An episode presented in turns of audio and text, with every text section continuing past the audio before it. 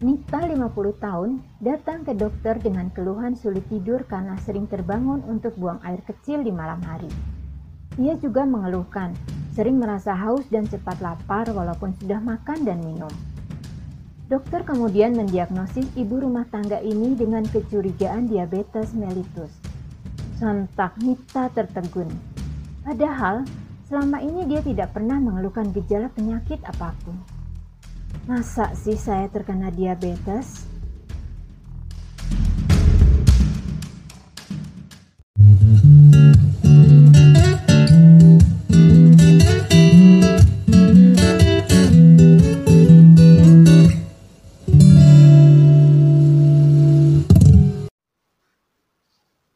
Relatif Perspektif Podcast adalah podcast yang bertujuan menjadi jembatan agar masyarakat luas paham akan isu kesehatan.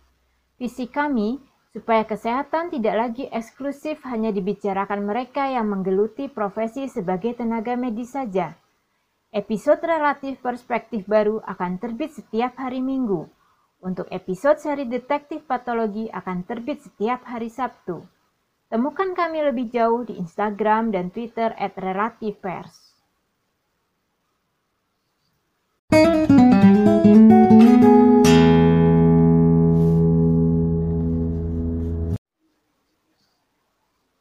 Beberapa bulan terakhir ini, hidup Nita agak kacau. Perempuan berusia 50 tahun ini tidak bisa tidur dengan tenang di malam hari karena harus bolak-balik ke kamar mandi untuk buang air kecil. Dalam semalam, ia bisa ke kamar mandi 5 sampai 6 kali. Akibatnya, Nita selalu mengantuk pada siang hari dan tidak berkonsentrasi untuk bekerja. Nita juga sering merasa cepat lapar yang tidak wajar, walaupun baru saja makan. Kehausan terus-menerus pun dia rasakan. Keluhan-keluhan sudah sangat mengganggu ini akhirnya mendorong Nita untuk berkonsultasi ke poli rawat jalan di puskesmas dekat rumahnya. Tanya ke dokter aja deh, daripada kenapa-napa nanti kan, pikir Nita.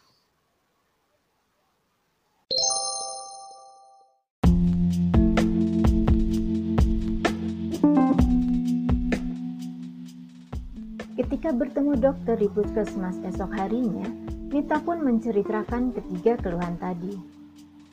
Sudah berapa lama ibu merasakan keluhan-keluhan ini? Tanya dokter. Sebetulnya sudah lebih dari tiga bulan sih dok, tapi waktu itu belum terlalu mengganggu. Jadi saya tidak berobat, jawab Nita. Apa ada keluhan lain yang juga dirasakan bu? Dokter bertanya lagi. Oh iya dok, saya juga merasa setahun terakhir ini mudah mengantuk dan gampang lelah ketika beraktivitas. Padahal dulu nggak kayak gitu deh. Berat badan saya juga turun, padahal makan tetap banyak nasi dok, jawab Nita. Mohon maaf sebelumnya, tapi apa ibu sering merasakan gatal daerah kemaluan dan keputihan? Wah, iya dok, betul banget. Sudah satu bulan terakhir saya kayak gitu, jawab Nita penuh semangat. Apakah akhirnya misteri penyakit Nita akan terungkap? Baik, Bu. Bagaimana dengan kesemutan, juga penglihatan? Apakah terasa kabur? Yang itu juga iya, Dok. Saya kira tadinya cuma karena saya jarang olahraga aja. Kalau penglihatan sih saya memang minus, Dok. Mungkin cuma perlu ganti lensa kacamata. Dokter kemudian melakukan pemeriksaan fisik. Tak ada gejala lain yang ditemukan pada tubuh Nita. Bekas luka yang tidak sembuh atau gangren pun tidak didapati. Kelainan sensasi raba saraf pun tak ada. Namun, tekanan darah Nita ternyata tinggi, yaitu 160 per 90. Wah, saya memang pernah didiagnosis hipertensi dok 5 tahun yang lalu. Tapi saya tidak rutin kontrol dan minum obat. Habis sibuk sih dok di kerjaan, Nita mengakui dengan malu. Apakah di kantor ibu rutin diadakan medical check up? Tanya dokter. Oh iya sih dok, rutin dua kali setahun. Tapi saya suka males ikutan dan sering kabur. Soalnya sebelum sekarang ini saya kan sehat dok, nggak ada keluhan apa-apa. Jadi buat apa juga tes lab macem-macem pikir saya.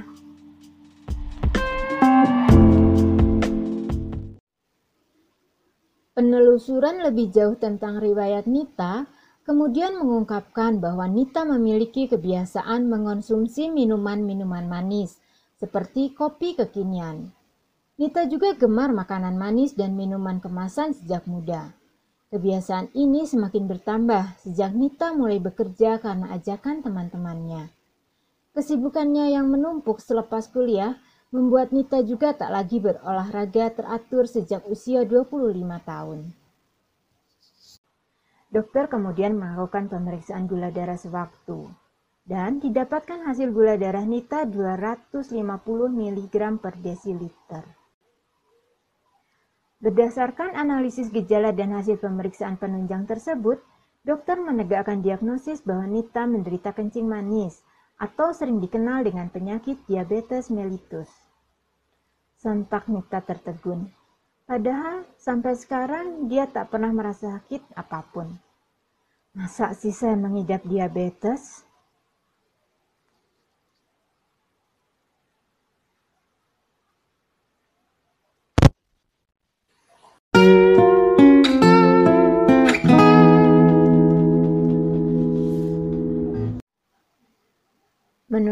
American Diabetic Association atau ADA, diabetes mellitus adalah sekumpulan penyakit gangguan metabolisme dengan adanya pertanda kadar gula dalam darah yang tinggi.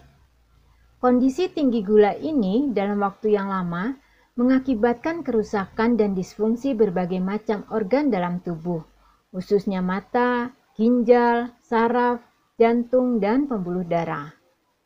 Ada beberapa macam ragam diabetes, dan yang paling sering ditemui adalah tipe 2. Hal yang penting untuk diingat tentang diabetes adalah penyakit ini tidak membuat kerusakan pada jaringan tubuh secara cepat.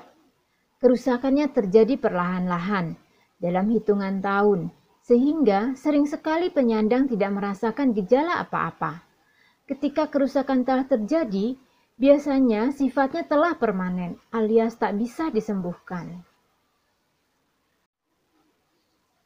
Beberapa bahaya diabetes di antaranya adalah satu, Orang dewasa dengan diabetes memiliki risiko 2-3 kali lipat lebih tinggi untuk menderita serangan jantung dan stroke.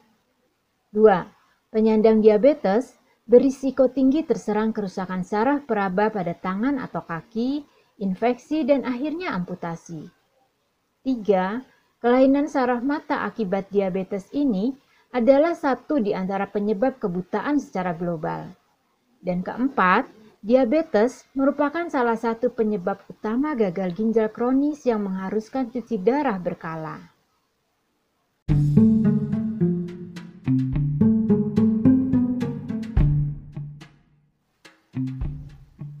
Penyandang diabetes kronis dengan gula darah yang tidak terkontrol juga sewaktu-waktu dapat terserang komplikasi yang mengancam jiwa. Oleh karena sifatnya ini, diabetes tergolong sebagai penyakit yang sering disebut dengan istilah silent killer disease.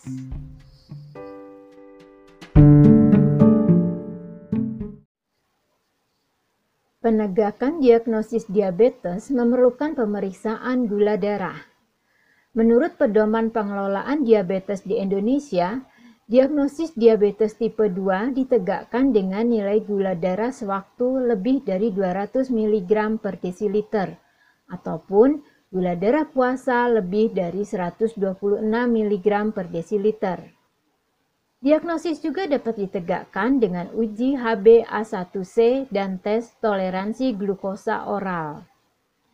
Berhubung penyandang diabetes sering sekali tidak merasakan keluhan apa pun, sangat penting untuk memeriksakan kadar gula darah secara teratur, walaupun merasa sehat.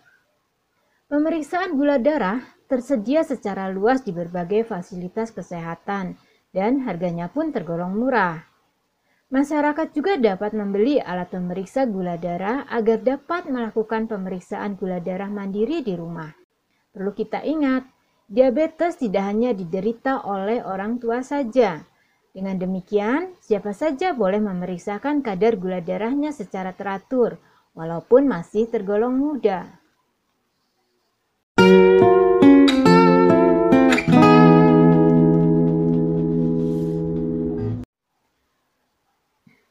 Setelah menerima konseling dari dokter tentang penyakit diabetes, Nita akhirnya mengerti. Ia kemudian bertanya, Dok, saya kan sudah terdiagnosis diabetes nih dok. Jadi sekarang harus bagaimana? Dokter kemudian menjelaskan empat hal yang harus dilakukan Nita dalam rangka penanganan diabetesnya, yaitu pertama, mengatur pola makan sesuai diet diabetes yang dikenal dengan istilah 3J, yaitu jumlah, jenis, dan jadwal makan. Jumlah makanan yang dikonsumsi harus disesuaikan dengan target berat badan ideal dan hasil konseling gizi. Jenis makanan yang utama dikonsumsi sebaiknya terdiri dari sayuran, karbohidrat, yaitu nasi, kentang, ubi, singkong, dan lain-lain, dan protein dengan jumlah terkontrol. Jenis makanan selingan juga diutamakan dari buah-buahan yang tidak mengandung gula tinggi, yaitu pepaya, salak, melon, apel, dan sebagainya. Hindarilah buah-buahan yang diawetkan. Jadi, konsumsi buah pada pasien diabetes juga ada aturannya. Penting pula mengurangi atau menghindari konsumsi gula sederhana dalam bentuk manisan, minuman kemasan, gula pasir, gula merah, ataupun coklat. Jadwal makan per hari yang ideal adalah tiga kali makan utama dan dua kali makan selingan di antara jadwal makan utama. Pola makan tersebut mengikuti prinsip porsi kecil tetapi teratur, alih-alih porsi besar tetapi tidak teratur. Nah, prinsip kedua adalah mengonsumsi obat diabetes secara teratur. Ada berbagai macam obat diabetes yang saat ini tersedia, dengan rute dan aturan pakaian yang juga berbeda-beda. Sangat penting untuk mengonsumsi obat sesuai dengan panduan dokter. Penggunaan obat antidiabetes yang tidak tepat, misalnya mengonsumsi obat tanpa makan atau olahraga terlalu berat, dapat mengakibatkan gula darah turun terlalu rendah. Prinsip selanjutnya adalah mengecek kadar gula darah secara berkala. Hal ini penting agar keberhasilan dan monitoring pengobatan yang sedang dilakukan diketahui. Dan terakhir, prinsip keempat, latihan fisik yang baik terbukti mampu membantu mengendalikan kadar gula darah pada penyandang diabetes maupun untuk mencegah terkena penyakit diabetes. Olahraga yang disarankan antara lain jalan, jogging, berenang, ataupun latihan aerobik lain dengan intensitas ringan sampai sedang. Lakukanlah olahraga ini teratur, 3-5 kali seminggu dengan durasi 30-60 menit setiap kalinya.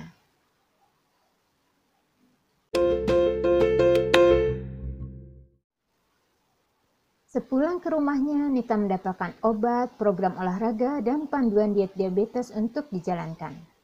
Setelah enam bulan disiplin menjalankan pola hidup sehat penyandang diabetes, Nita merasakan banyak perubahan Badannya terasa lebih segar, tidur malamnya juga sudah tidak terganggu seperti sebelumnya. Nita rutin mengontrol gula darahnya sekali sebulan di puskesmas, dan saat ini rutin mengonsumsi obat diabetes, metformin tiga kali sehari, dan obat anti hipertensi. Nita juga menjadi rajin mengikuti medical check-up dua kali setahun, terutama untuk mengevaluasi komplikasi diabetes, seperti gangguan fungsi ginjal ataupun penglihatannya. Dengan disiplin yang baik, Nita mampu menjadi pasien diabetes terkontrol. Akhirnya, kita perlu mengingat bahwa penyakit diabetes tidak dapat disembuhkan, tetapi dapat dikendalikan. Menerapkan prinsip-prinsip yang disebutkan tadi bisa menolong Anda mengontrol kadar gula darah dan mencegah munculnya komplikasi penyakit diabetes. Tentunya, bagi Anda yang belum terdiagnosis diabetes, pencegahan selalu lebih baik daripada pengobatan. Ingat, kesehatan Anda adalah harta Anda yang paling berharga.